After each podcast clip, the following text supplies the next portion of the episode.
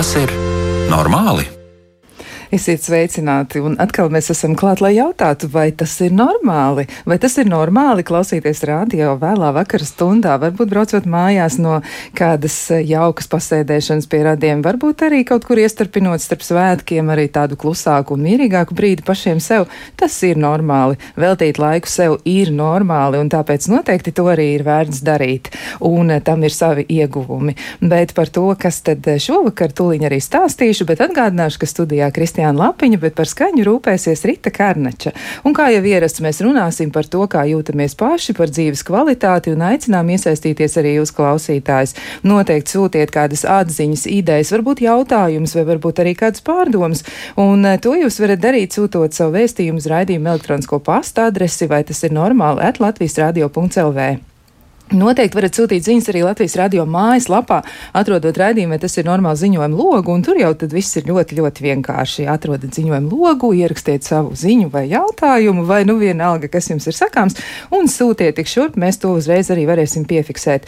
Bet eh, šodien mēģināsim mazliet vairāk pieskarties tam būtiskajam jautājumam, vai tas ir normāli, ka es atcaucos uz savu pieredzi, vai tas ir normāli, ka es domāju par to, kā bija, vai varbūt es vienkārši gribētu visu sākt no jauna. Šodien šodien runāsim par to, ka ir ļoti daudz lietas, kas vienotru ietekmē. Un tāpēc arī mēs eh, mēģināsim un savilkt tādas gan saiknes un paralēlas ar savu iepriekšējo pieredzi, gan arī ar varbūtējiem nākotnes plāniem un izredzēm. Un esam aicinājuši arī raidījumā viešņu. Um, un pie mums šodien ir Gunta Jākapsoni, kura ir psiholoģija, psiholoģijas maģistre un savulaik arī specializējusies eh, psihoorganiskajā analīzē. Ja, tā tad arī tāda joma ir apgūta. Un vēl kas ir interesanti arī, man liekas, ka tas tā ļoti, ļoti neparasti integrēt šādu veidu pieredzi Latvijā. Tas nav sevišķi populāri un pierasti un arī daudz, daudz profesionāli zinātnē to nedara, bet arī nu, kaut kādā veidā tomēr sistēmiskie risinājumi arī kaut kur nebūtu parādās. Par tiem arī mazliet parunāsim. Nu tad sveicināti! Jā, sveicināti. Un pirmais, es vēlos visiem novēlēt klusu, mierīgu un gaišu pirmo adventu. Jā, paldies par novēlējumu. Un tiešām klausītājiem arī jāatgādina par tiem, kas te steigā ir aizmirsuši. Jā, ka ir, šis mirklis ir pienācis un gadā tas tāds ļoti jauks brīdis, kad mēs varam mazliet apstāties un padomāt. Un iespējams, ka mums vēl nu, tas vairāk ir pat nepieciešams nekā citus gadus. Laikam šķiet, ka tā ir. Jā, bet mans pirmais jautājums būs eh, tieši tāds pieredze. Nu, pieredze cilvēkam ir viss tas, kas notiek ar viņu, tas, kas ir noticis, un mm. kaut kad tas, kas notiks nākotnē, arī kļūs par pieredzi. Kā ir ar pieredzi? Jā, jo šodien ir rītdienas vakardiena. Jā, un tas ir tas, ko mēs varam izmantot. Tu pirmie teici, ka um, veidot no jauna, uh, tas ir iespējams, bet tieši apzinoties to, ka ja es šodien nodzīvošu šodienu savādāk, ja es šodien kaut ko izmainīšu, ja es šodien vairāk mīlēšu sevi, ja es šodien būšu laipnāks pret uh, citiem, ja es šodien būšu mierīgāks, harmoniskāks, tad rītdien tā būs mana pieredze. Un tas ir tas, ko mēs varam, jo mēs nevaram no tā radikāli atgriezties atpakaļ kaut kur pagātnē un, un um, izmainīt to visu. Es parasti saku tādus samērā sulīgus piemērus, tāpēc es šoreiz arī to atļaušos. Jā, es parasti saviem uh, cilvēkiem, ar ko es runāju, saku, klizmas mazenēs netaisa. Nu, Vai cik skarbi? Nu, diemžēl tā tas ir. Jā, uh, lūk.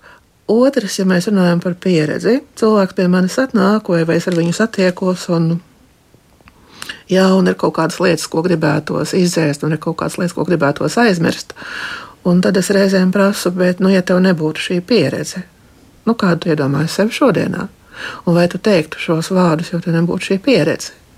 Reizēm es pat uh, izmantoju tādu paņēmienu, ka es telpā nolieku figūru, kas simbolizē šo varbūt ne tik patīkamo daļu, varbūt ne tik jauko daļu, un piedāvāju iztēloties, kā tas ir. Mēs tagad izņemsim tevi to laukā.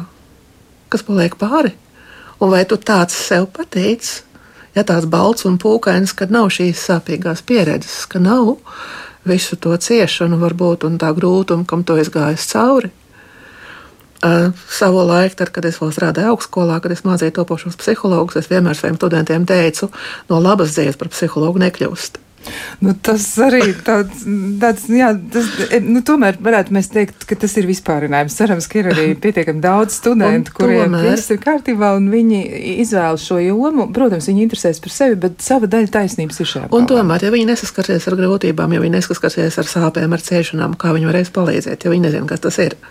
Ja pie viņiem atnāk un stāsta par zaudējumu, tad kā viņi to var zināt, ja viņi nekad, nekādā veidā to nav saskārušies?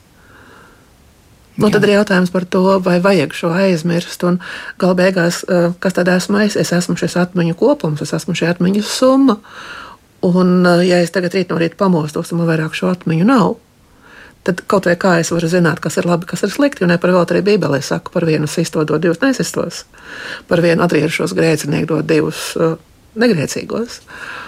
Um, es drīzāk teiktu to tā, ka Tas ir tāpat kā ar plusiņu. Plusiņu nevar uzzīmēt, ja neuzzīmē mīnusiņu. Jā, nu vienīgi varētu sākt ar vertikāli. Ja, tad, eh, Jā, nu, vispirms. Bet es labāk iedomājos sākumā pirmo to, to mīnusiņu, un pēc tam to plusiņu klāt. Protams, jautājums ir, um, kā mēs raugāmies, kā mēs atceramies, kā mēs to izjūtam.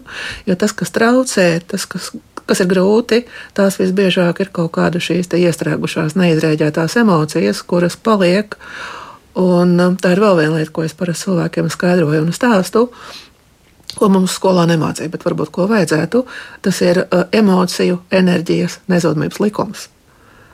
Uz emocijām attiecās tieši tas pats, kas uz visām pārējām enerģijas formām, un tā ir ilūzija, ka laiks ziedē. Jo man ar to nākās saskaties ikdienas praksē. Cilvēki nāk ar šīm traumām, ar šīm sāpēm, kas ir gadu desmitiem ilgi, un par cik sistēmiskā pieeja, tad arī pat no iepriekšējām paudzēm, un kamēr ar to nesaskarās, kamēr tam nepieskarās, kamēr no tā kaut kādā veidā neatbrīvojas, tas turpina dzīvot cilvēkā un tiek nodots nākošajām paudzēm. Tā ir tāda ļoti interesanta lieta, ja mēs domājam par to, nu, ka varētu ietekmēt mūsu šodienas dzīvi, vai arī to, cik kvalitatīvi ir tā mūsu dzīve, vai cik mēs jūtamies psihoemocionāli stabili vai nestabili. Ja mēs atsaucamies uz iepriekšējām paudzēm, vai tad varētu līdz ar to mēs šo pieeju izmantot arī tam, lai izskaidrotu, ka cilvēki vairākas paudzes spēj glabāt ļoti, ļoti spēcīgas traumas un tādas kolektīvas traumas? Tieši tā. Tieši tā, ja mēs paskatāmies, kas notiek šobrīd, Man ir sajūta, ka otrais pasaules karš beidzās šobrīd. Vai drīzāk sakot, turpinās. Nu, es ceru, ka viņš drīz beigsies. Jo, ja es paklausos, kur runā apkārt cilvēki, tad viņi šobrīd runā par to, par ko viņi klusē no 45. gada.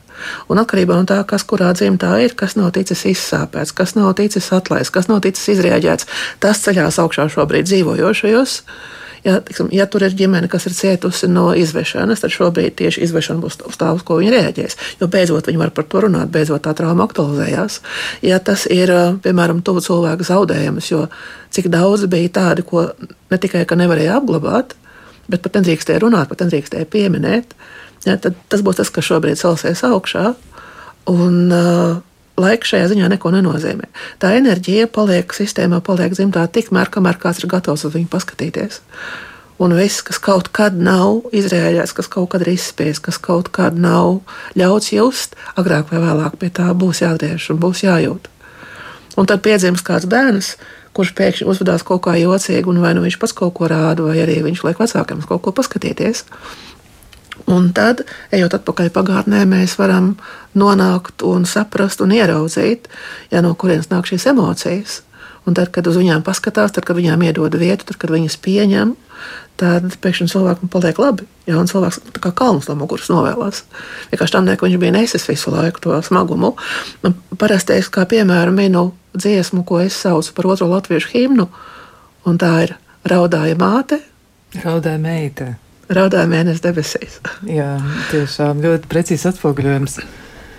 Jā, nu, tā tad ļoti daudz, daudz elementu, bet cik tālu mēs varam iet, nu, piemēram, tā pieredzes izvērtēšana, cik tālu tad man būtu jāiet, lai es varētu izmainīt dzīvi šodien, cik tālu man ir jāatkāpjas atpakaļ kā tas varētu strādāt un cik, cik tālu es varu iet. Jo tiešām nu, ir arī dzimtas, kur no paudzes paudzē mm. uzvedības mm. modeļi tiek pārmantoti, attieksme, emocionālās reakcijas, ja, un, un, un tas viss turpinās. Tas ir jautājums, ko man uzdod, cik ilgi ar sevi jāstrādā un cik ilgi var sevi kārtot. Un tad kaut kad es atradu tādu salīdzinājumu, ka tas ir tāpat kā ar kārtību istabā vai kārtību dzīvoklī. Kamēr tu dzīvo, tur vienmēr būs ko kārtot. Ideāla kārtība nav nekad. Vienmēr, ja jebkura sieviete, mirklīt pasēž, viņa rauga ārē, kur tur vēl grāmata, šķībre, kur tur vēl putekļi, kur tur vēl tās, tās, tās, ja. Bet svarīgi ir tas, ka tā istaba ir tāda, tādā kārtībā, ka tu vari viņā labi justies un labi dzīvot. Un tāpēc, vai vajag iet tur līdz septītajam augumam, kā Bībelē saka, ja, kad ir šie tēva grēki. Var, bet vai vajag? Es domāju, ka pietiek, ja cilvēks sakārto sevi tik tālu, ka viņš var normāli funkcionēt, viņš var labi justies, viņš var, piemēram, atpazīt, jo tās emocijas uzreiz neaiziet. Nāk tāpat, nāk, teiksim, kaut kādas šīs pārmantotās. Um, aizvainojumi jūtas, nāk atpakaļ, nāk kaut kādas šīs pārmantotās nestās dusmas, agresija. Jā, bet es apzinos tajā mirklī, es varu domāt, teikt, mīļo tēti, šitais nav man, tas ir tavs, tiec pats galā, un es ievelku dziļu elpu, es varu dzīvot tālāk un, un normāli funkcionēt. Vai tas izdodas? Kā, kā tas notiek? Vai, vai nav arī tāda ļoti liela pārsteiguma cilvēkiem par to, ka viņi ir domājuši, nu, ka tas ir tikai par viņiem? Tas psihoemocionālais diskomforts ir tikai par viņiem, ka viņi kaut ko nemāk, kaut ko nesaprot, ar kaut ko netiek galā paši, un viņi nav nekad domājuši par to, ka tas ir bijis iepriekš jau kaut kur sācies. Tas ir tas, kas man ļoti patīk tieši šajā pieejā, tieši sistēmiskajā pieejā, jo kāpēc sistēmiskā, tad, kad um, cilvēkam ir kāds jautājums, kāda problēma, tad parasti klasiskajā terapijā skatās līdz viņa piedzimšanai. Nu, vēl, teiksim, citas teorijas vai citas pieejas skatās vēl, kas ir bijis grūtniecības laikā. Tad šajā pieejā, sistēmiskajā pieejā, iet vēl dziļāk. Jo cilvēks, kad piedzimst, viņš nepiedzimst klajā laukā, viņš neparādās pēkšņi kā viena zīltiņa kaut kur okeāna vidū. Ja? Viņš tomēr piedzimst konkrētā sistēmā, konkrētā energoinformatīvajā laukā, un viņš manto visu šo informāciju. Un, protams, ka jā, tad ir tāds wow, kad cilvēks sāk. Ja, uh, un cilvēks sāk skatīties apkārt. Nu, piemēram, tipisks stāsts. Um, atnāk sieviete un uh, stāsta par to, ka viņai neveidojas attiecības ar vīriešiem. Un tad, kad mēs sākam um, runāt par pagātni, kad mēs sākam runāt par senčiem, tad izrādās, ka viņi vispār nemaz nezina savu vectētiņu. Par to vispār nekad nav runāts. Vecajā ir bijis otrais vīrs, un uh, kā strādā šajā gadījumā sistēma, kamēr nav atdota vieta, kamēr nav um, ar cieņu pieņem šis vectētiņš, kamēr viņš nav pieņemts sistēmā. Ja, tikmēr arī vīrieši nevar ienākt no jauna iekšā. Tas šādā veidā rezonē. Un tad, kad mēs strādājam, un tad, kad šim vectētiņam iedod vietu, un tad, kad paklinās, tad, protams, kā arī citiem vīriešiem, ir iespējams ienākt iekšā, jo, ja vīrietis ir izslēgts, tad viņš ir izslēgts. Tad, tad viņam šī pieeja ir liekta, tad viņš, nu, viņš, viņš nav pieņemts. Jā, nu ir arī tā, ka cilvēki veido attiecības ar klāt nēsošo personu. Arī tas ir diezgan daudzos virzienos nu, tāds apspriests jautājums, ka mēs jā, reaģējam jā. arī uz cilvēku, ja, piemēram, vecāki ir šķīrušies, tad bērns reaģē arī uz klāt nēsošo vecāku, vai arī tad, ja vecāks ir zaudēts. Um. Tur, tur es vairāk teiktu, tur ir šī klasiskā pārnese, ko es arī ļoti, ļoti bieži redzu un, un novēroju. Uh, ka tas, kas ir pietrūcis, vai tas, kas uh, nav dabūts no vecākiem, tas tiek sagaidīts no partneriem. Un, uh, Ļoti bieži ir tā, ka divi cilvēki satiekās, un sākumā jau viss ir ļoti, ļoti skaisti. Jo sākumā jau mēs visi gribam būt balti un pūkaini. Un... Mēs arī iemīlamies. Arī tas ir kas tāds, kas notiek. Un uh, psihiatrs saka, ka iemīlēšanās nu, tā fāze nav gluži tāds normāls funkcionēšanas brīdis. Ar to iemīlēšanos ir tā, protams, tur ir sava loma bioķīmija, bet um, lielā mērā mēs iemīlamies nevis tajā reālajā cilvēkā, bet savā ilūzijā. Tāpēc, ka mums ir kaut kāda atsevišķa parametra, kas mums sakrīt ar iekšējo tēlu, ar to iekšējo iedomāto mīļoto vai mīļoto. Princis baltā zirgā. Jā, jā, jā. Un tad es tam cilvēkam, es viņu izmantoju kā pakaramo, kur es uzlieku šo savu ilūziju un saku, nu, tu esi beidzot tas, ko es esmu gaidījusi. Bet patiesībā mēs to cilvēku neredzam. Un kamēr viņš stāv uz pirkgaliem, un, vai viņa ja, un cenšas būt labs un pūkaini, tikmēr jau viss ir skaisti. Bet cik ilgi uz pirkgaliem stāvēt, kaut kādā brīdī cilvēks piekūst, kaut kādā brīdī cilvēks vairs neizpilda mūsu kaprīzes un mūsu vēlmes, un tad seko frāzes, kur man bija acis. Ja es tev savu labāko dzīves daļu esmu veltījis, un tu esi mani pievīlis, vai tu esi mani pievīlusi. Ja patiesībā beidzot cilvēks ierauga to, ar ko viņš dzīvo kopā beidzot varbūt ar to savu ja, projekciju, ar to savu ilūziju ierauga to reālo. Tad ir jautājums, vai paliek kopā vai nē, bet nu, no pārteorijas ir tā, ka tad sākās īstās attiecības tieši tad. Un, ja cilvēki tiek tam pāri un ir gatavi strādāt un pieņemt viens otru, tad sākās īstās attiecības, īstā ģimene un īstā mīlestība, nevis kaut kāda ilūzija mikliņa. Jā, bet arī tad, ja tas beidzas neveiksmīgi un cilvēki aiziet katrs uz savu pusi, kā tad ir ar šī, šo pieredzes daļu? Jo, ja mēs paliekam pie tā, ka pieredze veido cilvēku un mēs mm -hmm. pēc tam varam kļūt varbūt labāki, varbūt Kam teikt, ka es vārdu neveiksmīgi? Nu vai, vai varbūt arī mēs varam nelietot šo vārdu? Jo es redzu tik ļoti daudzas laulības, kuras es sauktu par neveiksmīgām, kur cilvēki dzīvo kopā un mocās, kur pēc tam uz terapijām nāk viņu bērni un mazbērni un raud par to, kāpēc mamma neizšķīrās, kāpēc viņa palika šajās attiecībās. Vai tā ir veiksme? Jā, kā uz to raudzīties? Drīzāk, ja cilvēki saprot, ka ir kaut kāds ceļš noiets un viņiem tālāk nav ceļā, pa ceļām kopā viņi izšķirās, bet paliek kā partneri. Jo viņi var izšķirties kā uh, vīrietis ar sievieti, bet viņi nekad neizšķirsies kā vecāki. Un tā ir viena lieta, ar ko man arī daudz nākās saskaties, ka cilvēki neprot palikt kopā kā vecāki. Viņam ļoti grūti varētu būt nodalīt šīs lomas, vīrietis un sieviete, māte un tēvs, un tad viņi tās lomas varbūt sajauc, un tad viņi caur mātes lomu, piemēram, mm. mēģina atriepties vīrietim, kā tu mani sāpināji.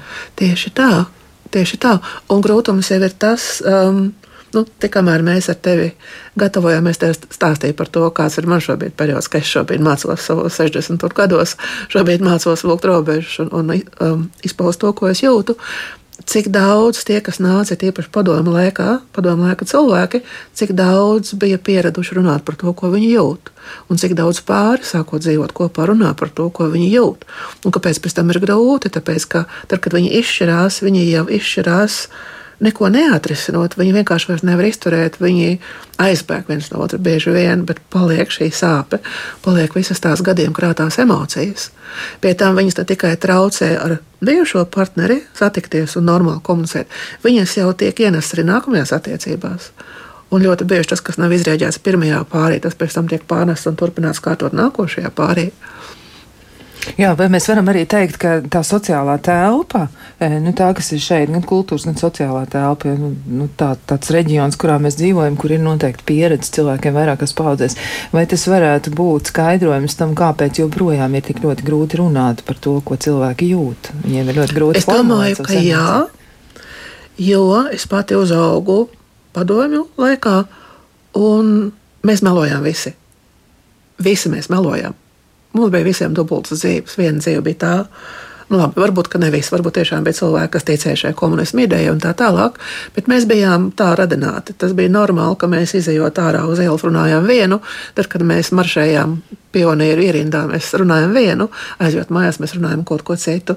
Un to, ko mēs patiesībā domājam, par to nedrīkstē runāt. Tā kā es pilnīgi noteikti teiktu, jā, tam, tam ir tam ir nozīme. Tas ir tas, ko mēs šobrīd varam vērot, tur, kur ir joprojām palikusi padomu sistēma tajās valstīs, un tā nav tikai Krievija. Jā, tas tāpat arī ir Ziemeļkoreja, jā, tāpat arī Ķīna. Tur jau ir tieši tas pats.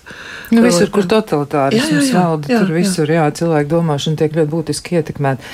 Jā, bet tās pieredzes eh, akceptēšana un nepadarīšana par kaut ko nelāgu, bet spēja mācīties no pieredzes, spēja to iekļaut savā dzīvē, tā tomēr nav viegla lieta. Jā, jā. Tādēļ arī es par terapiju saku tā, ka kas ir tas dziednieciskais, kas ir tas terapeitiskais, ka bieži vien tas, pēc kā atnāk cilvēks nākot pie terapeita, viņš atnāk pēc šīs pieņemošās attieksmes. Jo gan es, gan es domāju, jebkurš terapeits pirmkārt tas ir cilvēks, kurš spēj tolerēt, kurš spēj pieņemt, kurš spēj uzklausīt. Un tad caur šo pieeju, caur šo terapeitisko pieeju lēnām cilvēks var sākt pieņemt, ka viņš var justies arī šādi, ka viņš drīkst domāt domas, kas varbūt nu, liekas ārpus kā var kaut ko tādu domāt. Jo nu, tas ir viens no maniem jociņiem, ko es parasti saku, kas ir jāizdara, lai izkāptu no pēļņas. tu prasi man? ir jāatzīst, ka tas stāv pēļķē. Protams. Kamēr cilvēks saka, es pēļķē neesmu, man tikai svīst kājas, no pēļķis kāpt nav iespējams. Tāpēc ir jāsaka to, ka es atzīstu, ir tā, Un kamēr cilvēks nav gatavs atzīt, un bija pieteikta arī tēma par traumu. Pie traumas ir tieši šī problēma, ka tam nevar pieskarties bieži vien, un kamēr uz to nevar paskatīties, un kamēr tam nevar pieskarties, un kamēr to nevar atzīt, tikmēr arī nevar neko ar to darīt.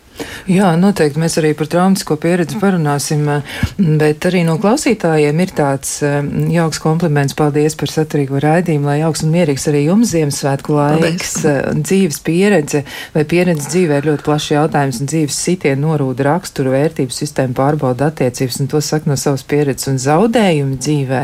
Ja ir par tuviem cilvēkiem runa, tad tie dod pieredzi saskarsmē ar citiem, spēju sadzirdēt, jā, un arī tas noteikti tā ļoti būtiski ietekmē cilvēku cilvēku. Tā nu tas tiešām ir. Vai arī par to raksturu mēs varam arī kaut ko bilst? Nu, kā tas ir? Ja pieredze tiešām ir ļoti grūta, nu, piemēram, bērnam ir jāaug ļoti smagos apstākļos. Ir tā, ka ir cilvēki, kuri spēj to likt lietā, un ir tādi cilvēki, mm -hmm. kur apvainojas uz pasauli un saka, ka nu, citi vainīgi. Tādā pamatu pārliecību līmenī tiešām ir ļoti mm -hmm. atšķiras.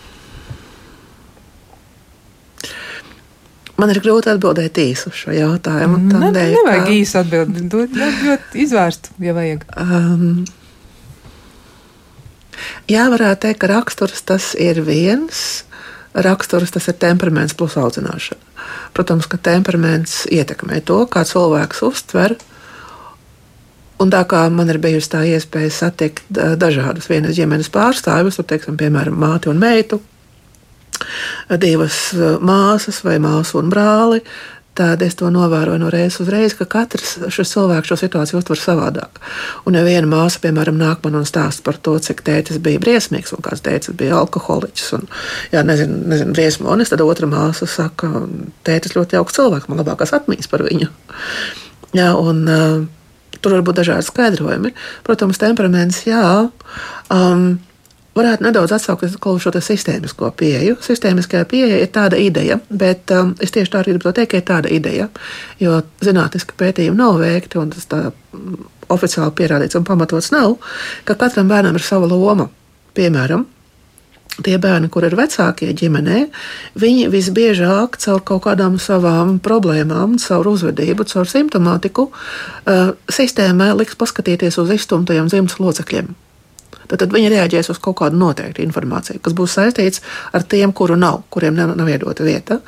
Jaunākie bērni savukārt vairāk reaģēs uz neizrēģētām emocijām. Viņi vairāk uh, signalizēs, rādīs šīs neizsāpētās sāpes, neizdusmotās dusmas.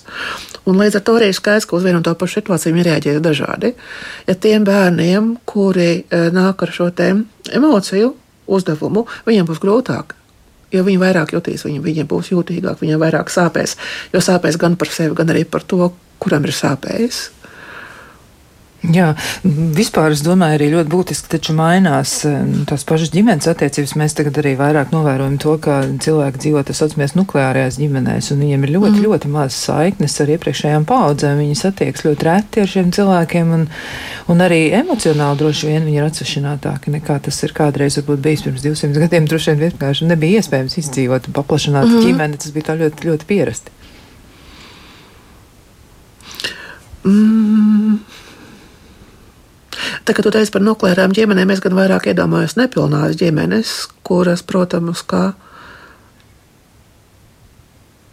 ir ar vairāk problemātiku nekā tad, kad ir pilna ģimene. Jo ļoti bieži, ja tā ir šī nepilnā ģimene, tad bērnam tiek uzkrautas lomas, kas galīgi nebūtu viņam kā bērnam.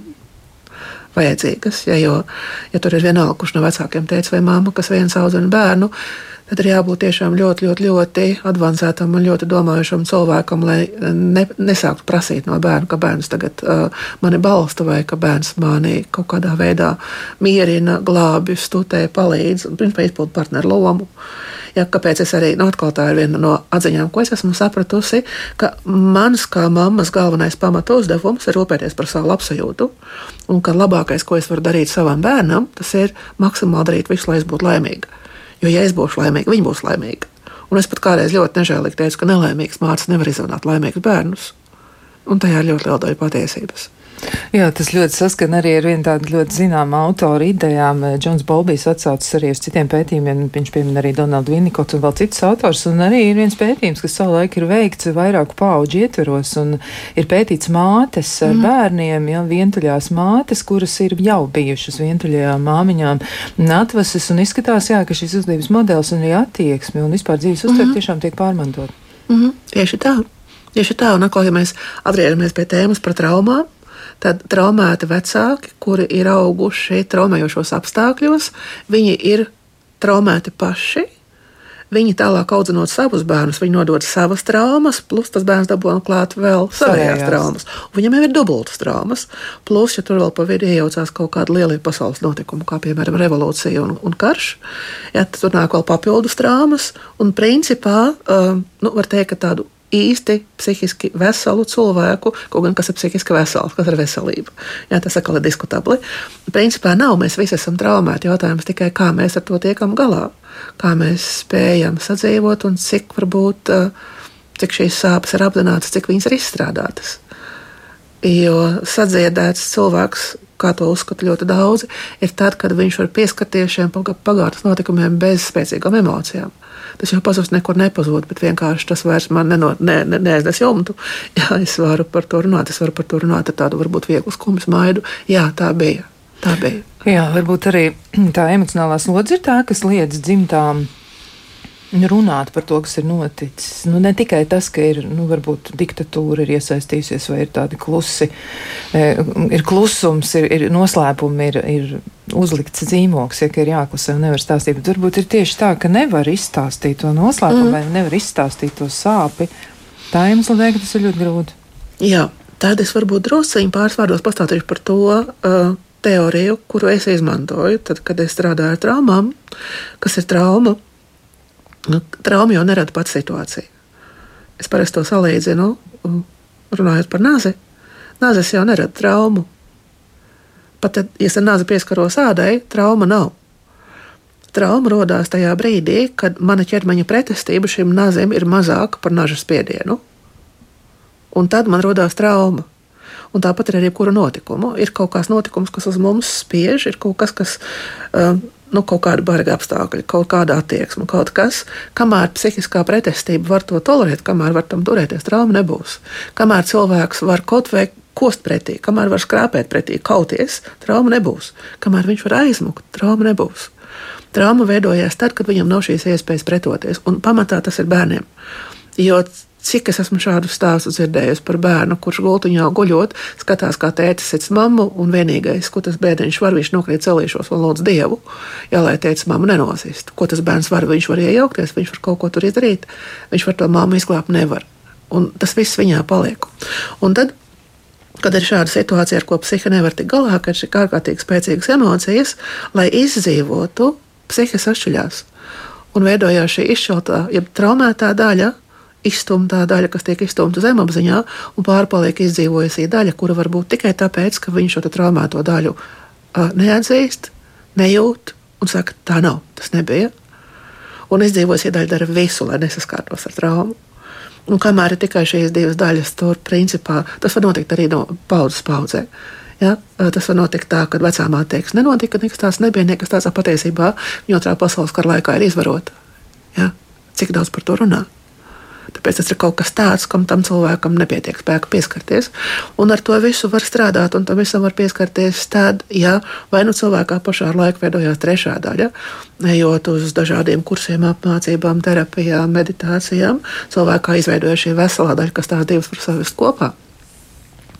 Vai arī, teiksim, meklējot grupu, atbalstu grupās var šādas lietas izstrādāt, kur grupa tad ir tā, nu, kas ir kā atbalsts, kas ir kā kā, kā drošinātājs, kas ļauj saskarties. Uh, bet līdz tam brīdim izdzīvojusi daļa darīs visu, lai nesaskartos ar traumēto. Līdz pat tam, ka nav atmiņu, neatcerās neko, nebija. Jā. Jā, nebija, nenotika. Jā, ļoti, ļoti interesanti strādā mūsu psihopaties. Tas ir tāds, eh, man liekas, vēl joprojām eh, nu, tāds eh, process, kas ir pilns ar noslēpumiem un daudzām, daudzām tādām neatminētām lietām. Mēs tikai daļēji to saprotam. Bet tomēr tas ir ļoti interesants process, un arī šovakar mums tomēr ir iespējams drusciņu vairāk palūkoties pašiem uz sevi un arī iedziļināties sevi. Bet mums vēl ir daudz jautājumu, un tos mēs visus uzdosim pēc īsa brīža.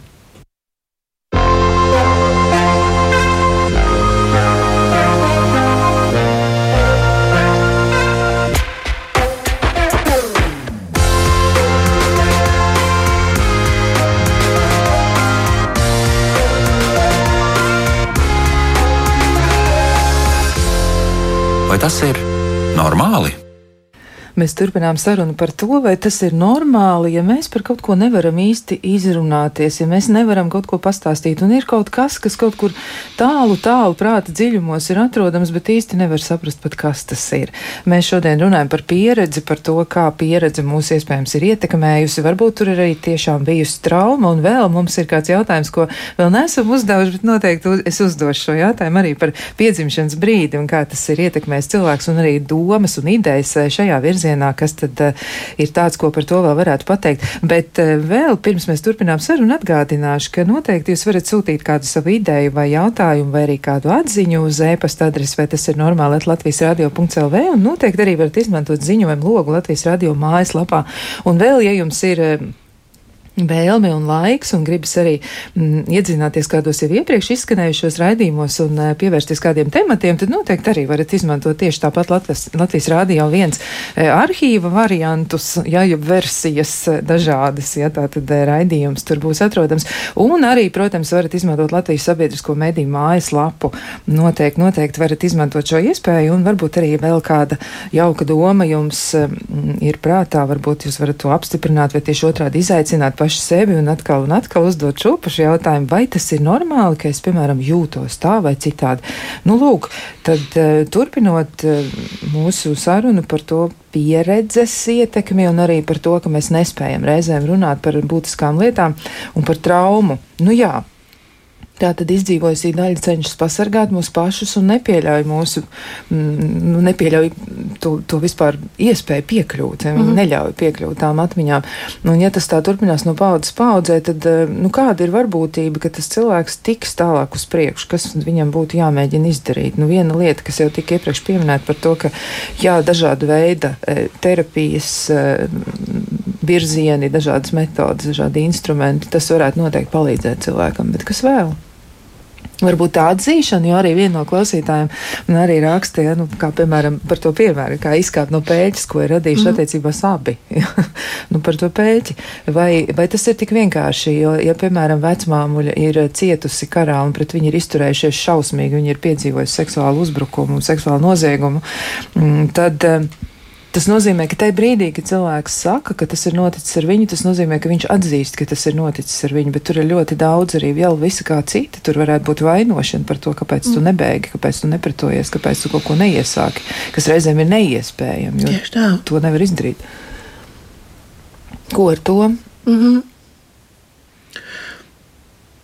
Varbūt, ka es vēl pakāpšu atpakaļ pie šīs traumas teorijas. Um, lai noturētu šo izstumto daļu, tas prasa ļoti lielu psihisku enerģiju. Jo tas ir visu laiku, jāprasa, tas visu laiku ir. Nu, tas ir, ja tu kādreiz esi bijusi teātrī un mēģinājis neklapot, tad tu zini, kā tas ir. Es zinu, kā ir nospiest atspēri. Es izmantoju šādu piemēru. Okay, Parasti tiek cilvēki okay, nospiež okay. atspēri un tur viņu uz leju, cik vien spēku. Un atvieglojoši jau ir tas vien, ka cilvēks var pateikt, ka tur kaut kas ir. Um, tad, kad strādā ar sistēmisko risinājumu metodi, tad izmanto Nu, atkarībā no situācijas. Es teiksim, izmantoju daudz priekšmetus. Un reizēm es daru tā, ka es vienkārši telpā nolieku kādu priekšmetu, kas simbolizē šo traumu, un mēs neko vairāk ar to nedaram. Es vienkārši piedāvāju cilvēkam paskatīties un ieraudzīt, ka tur ir. Tas attiecas gan uz pašu pieredzi, tas attiecās arī uz kaut kādu senču pieredzi.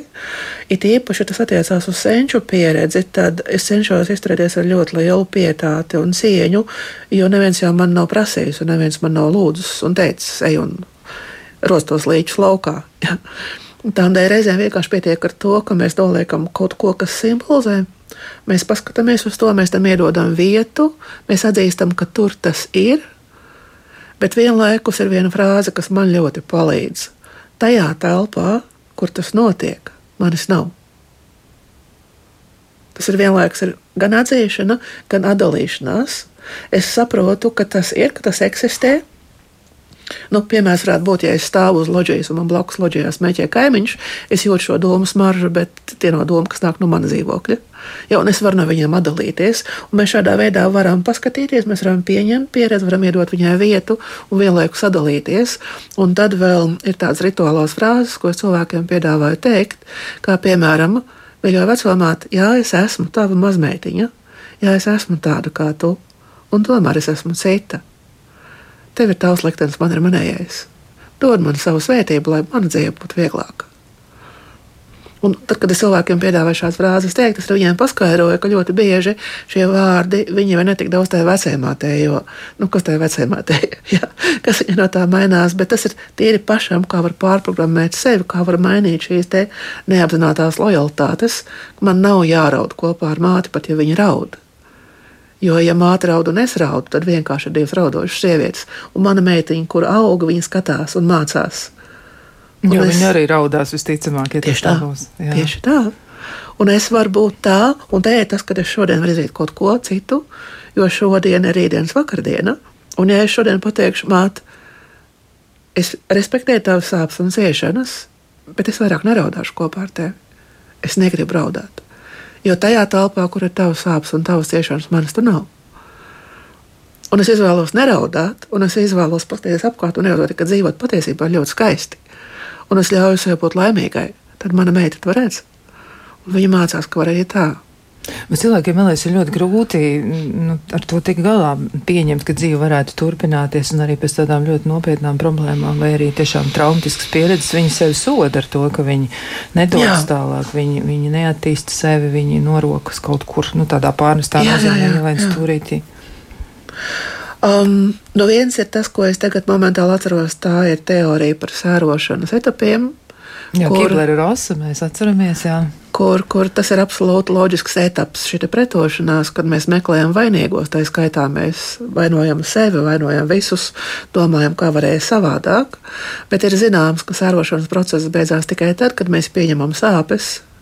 Es to atkal salīdzinu ar piemēru. Tas ir kā kaķēns, kuru dzīve iemet ērkšķu kromā. Viņš, protams, var sarauties mazā kamoliņā, centies nekustēties, jo ērkšķi nedurās, bet kamēr viņš tur sēž un ir sarāvies, viņš paliek tajā pašā ērkšķu kromā, kur viņš ir. Un tad, lai viņš tiktu laukā, tas būs sāpīgi. Bet tas ir tikai vienīgais variants, kā viņš var tikt no turienes ārā. Jā, nu, arī pie jautājumiem. Mm, pie jautājumiem, par jautājumiem arī domājot, nu tad, eh, nu, kā tad izkāpt tiešām ārā? Piemēram, par attiecībām, mēģinot mm -hmm. vēlreiz pievērsties attiecībām, un arī man liekas, ka nu, diezgan daudz cilvēku meklē padomu tieši attiecīgi jautājumos. Nu, kā tad, eh, ja tā pēļķa ir, un abi tur ir to pēļķi radījuši? Ja? Kā es tieši tikko, tikko tikt ārā? Konsultēju puisi, kurš atkārtot ir ticis uzmests. Nu, izmantosim šo tautas vārdu. nu, tāds, jā, jā, kurš, apziņā, um, jā. kurš uzskata, ka viņam ir nodarīts pāri. Un tad, kad es ar viņu runāju, tad es ļoti labi ieraudzīju, ka tā meitene, kur viņa kādreiz reiz uzmetus, patiesībā jau izturējās tieši tāpat, kā viņš izturās pret sevi. Jo viņš bija šo meiteni nolicis uz piedestāla, viņš viņu nesāja aiz rokā, viņš izpildīja visas viņas vēlmes, sevi visu laiku atstājot otrajā plānā. Un eh, es viņam teicu, ko tad šie meitene izdarīja savādāk nekā kā tu pats pret sevi izturies. Tu jau viņai parādīji, nu, kā, kā pret tevi jāizturās. Tad nevaino viņu, paskaties sākumā uz to, kā tu pret sevi izturies. Um, protams, kā to, kā mēs pret sevi izturamies, mēs iemācāmies no šīs pirmās bērnības pieredzes. Jā, tā ir man ļoti mīļa Eriksona teorija par dzīves krīzēm. Jā, jā Eriks, Eriksons tiešām ļoti, ļoti liels. Lūk, un, um, ja bērniņš agrā dzīves eh, vecumā, agrā dzīves sākumā, viņš sajūt, ka viņš nav vērtīgs, tad viņš šo te attieksmi paņem. Un tas ir tas, eh, kā daudzi pēc tam turpina dzīvot tālāk. Viņi nejūt savu vērtību, viņi nejūt to, ka viņam ir mīlestības vērti, viņi darīs visu, lai šo mīlestību nopelnītu. Un um, izmaiņas jau ir jāsāk ar sevi. Respektīvi, ja tu gribi, ka citi cilvēki tevi ciena, tad, tad Tev tas ir jādara pirmajam. Ja, jo nevar sevi necienīt un pieprasīt, lai citi tevi cienītu. Ir viena frāze, es nepateikšu, kurš ir autors, bet frāze, kurai es piekrītu. Citu cilvēku cieņa pret tevi ir tieši proporcionāla tavai pašcieņai. Jā, jā tā, tā tas ir. Un, ja es gribu, ka man attiecībās ciena, tad man ir jāsāk pašai. Man ir jāsāk ar to, ka es sāku respektēt savas vajadzības, un tā ir atkal postsovietisma sekas. Ja, cik mēs esam mācīti cienīt sevi, cik mēs esam vispār kaut vai mācīti apzināties savas emocijas, savas vajadzības. Un tas ļoti bieži ir tas, ko arī dara terapeits, kas ir terapeita uzdevums. Ja, man pat ir bijis tā, ka es sēnes laikā cilvēkam piedāvāju ļoti elementāru lietu, nosauc trīs lietas, kas tev nepatīk. Un pat tas rada problēmu. Elementāra frāze pateikt, man nepatīk, tas un tas un tas, un ar tādas lietas jāmācās. Tas būs par robežām, jā, par veselīgām jā, robežām. Jā. Jā. Un, un arī par sevis izpaušanu. Jā. Tas nav tik viegli. Oi, pilnīgi noteikti nē. Nu, kā jau es teicu, es šobrīd savos 60 gados mācos to darīt. Jā, patiesi tas ir izaicinājums. Nu, vēl tāds jautājums ir, tas gan gluži nav varbūt atbilstoši mūsu šīs dienas tematikai, ja, bet nu, tāds arī gan psiholoģiski, gan psiho, fil, filozofiski var mēģināt uz to atbildēt, prāts un apziņa viens no otra atšķiras. Ja, nu, tas tāds jautājums, uz kuru atbildēt nebūs tik viegli. Atkarīgs no tā, ko mēs ar ko apzīmējam. Ja, jo kāpēc psiholoģija kā zinātne izveidojās viena no pēdējām pēc ķīmijas, pēc matemātikas, pēc bioloģijas un tā tālāk. Tam dēļ, ka jebkurai zinātnē ir vajadzīgs konkrēts pētījuma objekts un uh, metodas, ar kurām to pētīt. Psihikā zināms apzīmē mācību par dvēseli. Kas ir dvēsele? Kas ir mīlestība? Kas ir prāts? Kas ir apziņa? Kas ir emocijas? Kas ir jūtas? vēl joprojām zinātnieki strīdās. Katrs ar to tomēr sauc kaut ko savu. Tā ir vienošanās. Ja, kā mēs vienojamies, ko mēs, ja, ko mēs ar to apzīmējam. Ja mēs vēl ņemam klāt citas teorijas par dažādiem blīvumu ķermeņiem, ētriskais, mentālais, astrālais un tā tālāk, ja, tad tā bilde paliek vispār ārkārtīgi sarežģīta. Jā, jā nu, psiholoģija vispār bija grūti iekarot arī vietu tiešām zinātņu nu, tādā lokā, jā, un Vilhelms Vunds savulaik arī mēģināja to visu uzlikt uz tādiem stabiliem pamatiem, jo mums taču vajag kaut ko izmērīt, un tas nav tik vienkārši. Tā, kā, mēs varam, tā. kā mēs varam izmērīt dažas lietas, psiholoģijā tas tiešām ir ļoti, ļoti sarežģīti, bet tajā pašā laikā tiešām neprātīgi interesanti. Bet eh, vēl man tāds jautājums arī par, eh, par to dzimšanas brīdi. Daudz jā. cilvēku arī tā saka, ja nu es varētu piedzimt vēlreiz, nu tad gan es visu darītu savādāk. Nu, tas ir droši vien bieži vien pārnestā nozīmē, bet tomēr nu, tie, tie cilvēki vai tie profesionāļi, kas mēģina integrēt kaut kur e, savā praksē arī kaut ko no šīs, sistēma, no šīs sistēmiskā skatījuma, viņi atsaucas reizēm uz dzimšanas mm -hmm. pieredzi. Man personīgi ļoti tuva ir Staņislava Grofa prenatālo matricas teorija, kas ir veidota uz ļoti, ļoti daudzu uh, pētījumu novērojumu pamata. Uh, ne tikai dzimšanas brīdis, bet arī viss, kas tiek piedzīvots līdz tam, kā pirmā informācija ierakstās cilvēka smadzenēs un ietekmē visu turpmāko. Piemēram, pirmo reizi tā īsti un patiesi cīnīties par sevi bērnam nākās tajā brīdī, kad sākās zemdību process, kad bērnam ir jāizlaužās no mātes ķermeņa. Ir sapratu pat tāda ideja, ka tajā brīdī mums tiek um, ielikta, vai mēs pirmoreiz jūtamies vainīgi. Ir tāda ideja, jo, lai piedzimtu, mums ir mātei jāsakā sāpes. Un ir tā ideja, ka bērns laužoties ārā, jo viņš nevar nepiedzimt, ja viņš rada mātei ciešanas, ja kāpēc vēlāk, teiksim, pret mātēm ir vairāk šeit vainas sajūta nekā pret tēviem. Bet mēs varam būt droši par to, ka bērniņš necieš, jo tad, kad viņš dzimst, iespējams, viņam arī ļoti, ļoti grūti piedzimšana nav viegli. Tieši tā, tieši tā, un par to tieši ir stāsts. Tā ir pirmā reize, pirmais brīdis, kad bērns sajūtās īsti dzīves. Un dažiem tas ir tik ļoti eh, spēcīgs, tik ļoti kaifīgs, nu, es tādu tautas vārdu izmantošu pārdzīvojums, ka viņi nofiksējās šajā brīdī. Un ir tādi cilvēki, kas īsti dzīve jūtās tikai tad, ka viņiem ir ar kaut ko jācīnās. Ja vajag mūžīgi izaicinājumu. Tieši tā, tieši tā. Un daudzas citas lietas ir vērts šo teoriju tiešām pameklēt un palasīt, jo tur daudzas atzīmes par sevi varat uzzināt, gan par šiem pirmiem deviņiem mēnešiem. Bet, um, ko es vēl tagad gribu izstāstīt vai pieminēt ātrumā, protams, ka viss, kas notiek ar māti, to arī pārdzīvo bērns. Pie tam ne tikai tas, kas notiek ar māti, ja jau bērns ir ar māti saistīts. Um, meitenītes, uh, es tagad domāju, nē, uh, ne tikai meitenītes, arī puisīši, mazbērni. Mazbērni var mantot vecās mātes emocijas, ko vecāmāte piedzīvoja grūtniecības laikā. Kāpēc?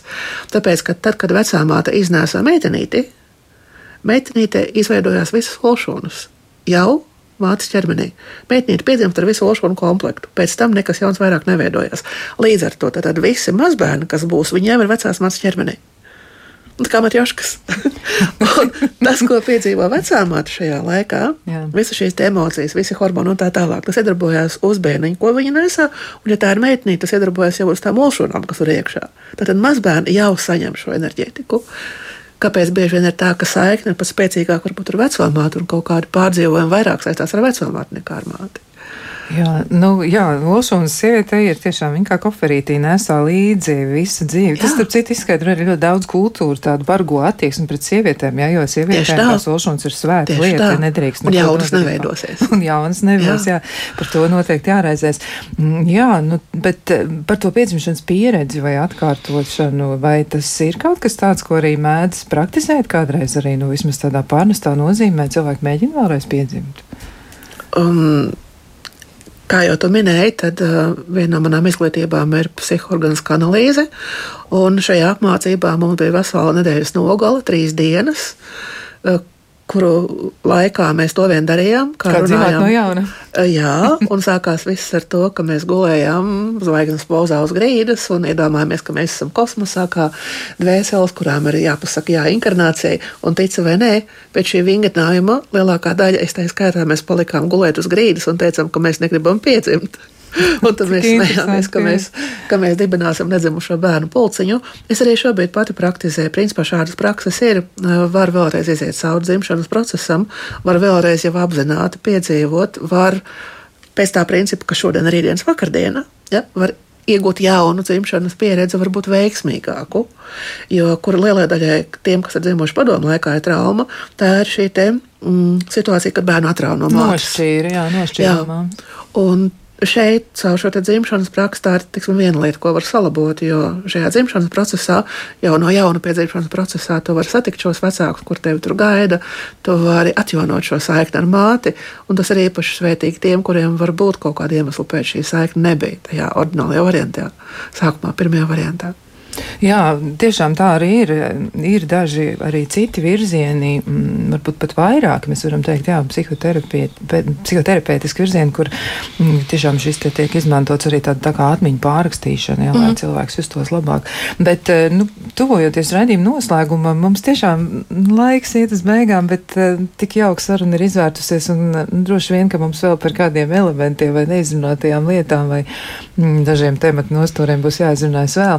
Bet, um, Mhm, jā, nu, vēl tāds mm, piebilde vēl pirms man pēdējā jautājuma, ja, ka, nu, ja, ja dzimtu vēlreiz, tāpat nezinātu, kā dzīvot, ja, un tikai psihoanalīze varbūt palīdzētu. Nu, psihoanalīze ir ļoti dziļš skatījums, mm. neapšaubām, un arī, starp citu, sistēmiskais virziens zināmā mērā ir ietekmējies, ja, nu, caur radītājiem, jau, un, un autoriem ir ietekmējies arī no psihoanalīzes kā virziena, neapšaubām. Bet um, pašās beigās, nu, varbūt to pēdējo jautājumu, kā tad tik galā, ja, ar netik labo pieredzi, to drīzāk negatīvo, ja mēs runājam par attiecībām, ja mēs runājam runājam par pāru attiecībām, ja, nu, vai tad būtu būtiski izrunāties, vai arī tomēr nē, vai atstāt to pie sevis, un lai neuzkāptu uz, uz grābekļa vēl vienreiz. Es noteikti teiktu, izrunāties. Varbūt nevienmēr tas ir jāiedara ar to cilvēku, bet ir arī tāda tehnika kā vēstuļu rakstīšana. Jā, ir tiesa. Un vēl viens no tādiem man mīļiem teikumiem ir sekojošais: verbalizācija ir labākā emocija kanalizācija. ļoti kolorīti izteicieni. Līdz ar to vienalga, vai es to izsaku, vai es to uzrakstu, es šo enerģiju, šo emociju enerģiju, kas ir iesprūdusi, sastrēgusi, es viņu izstrādāju. Un vēl ir viena lieta, nu, kā palīdzēt sev, kam es vispār nepieskāros. Dažādas pieredzes rezultātā mums veidojas dažādi ticējumi, pārliecības. Formulas, kā mēs paši pēc tam sev vēlāk programmējam, piemēram, mani nevar mīlēt, vai es neesmu pietiekami laba, vai es esmu slikta māte un tā tālāk. Jā. Dažādi. Ja? Un tā arī ir lieta, tad, kas ir uh, jā, jāuzrok, jāapzinās. Um, vieglāk to var izdarīt tādā, teiksim, sarunā ar kādu, kurš ir trenēts klausīties, kurš pamana, kurš saklausa. Bet, protams, ka to var darīt arī mēģinot, uh, kā Paulos sēdēja pie spoguļa, dzēra un norakstīja un, un, un pierakstīja, ko viņš novēroja. Ja var jau sēdēt pie spoguļa un mēģināt sevi izanalizēt. Jā, Paulos vispār gāja ļoti tālu. Viņš arī nosēdinājis bija students jau blakus, lai piefiksētu to, kā viņš uh, lēnām mirst, kā viņš iet bojā, viņš bija Super. ļoti, ļoti tāds, uh, viņš bija zinātnieks līdz, līdz pēdējai šūniņai. Līdz pēdējiem, pēdējiem minūtēm. Pēdējai minūtē, jā. Mm. jā, un noteikti ar šīm pārliecībām un ticībām arī tad ir jāstrādā, jo tie jau ir tie tās programmas, kas mūs vada tālāk. Un, ja kādā cilvēkā ir programma, ka viņu nevar mīlēt, tad, protams, šī programma manifestēsies visās turpmākajās attiecībās. Jā, nu, noteikti noteiks arī tas saucamais dzīves likums, ja, kurus viņš pats sev izveidos. Nu, par to teikt arī tā, jā. Jā, jā, tiešām tā tas arī ir. Nu, tādi ļoti, ļoti būtiski nosacījumi darbojas attiecībā uz mums pašiem. Tā nu tas ir. Jā, par pieredzi būs noteikti jārunā vēl kādu reizi. Un visticamāk arī, ka šī saruna kaut pirmā, bet noteikti nebūs pēdējā. Tas ir pilnīgi skaidrs. Un arī no klausītājiem tāds jauks uzmundrinājums. Un arī klausītāji raksta par to, kādas tēmas viņu temats kāds vēlas ierosināt raidījumiem, un arī klausītāji atzīst, ka viņi pati ļoti bieži domā par to un mēģina rast sev atbildes. Nu, es to bieži pieliku no sevis klāt, bet es mm -hmm. ticu, ka tā varētu būt, ja atkal un atkal prāts pie tā atgriežas. Piemēram, kas ir veselības, veselīgas un normālas attiecības, un, piemēram, vīriešu un sievietes starpā, attiecības starp bērniem un vecākiem, attiecības darba kolēģi starpā vai priekšniecība, jā, attiecības ar pāri darītāju kādā situācijā. Jā, nu, tādas ļoti nopietnas mhm. lietas mm. cilvēki tomēr vēlētos atrast atbildes arī uz šiem jautājumiem. Un vēl tāds ļoti mīlīgs un ļoti jauks uzmodrinājums. Paldies par vērtīgiem raidījumiem un gaišumu. Un, eh, nu, nu, tas ir tik personisks vēstījums, ka to es pat nevaru tā publiski pateikt, bet es jūtos ārkārtīgi gandrīt brīnišķīgs kompliments ja, no klausītājs. Jā, um, nu, es domāju, ka. Vēl mums ir daudz ko pētīt. Paldies par uh, skaidrojumu, par pieredzes ietekmi uz uh, mūsu dzīvi un arī par to, kā mēs, kā mēs to varam izmantot.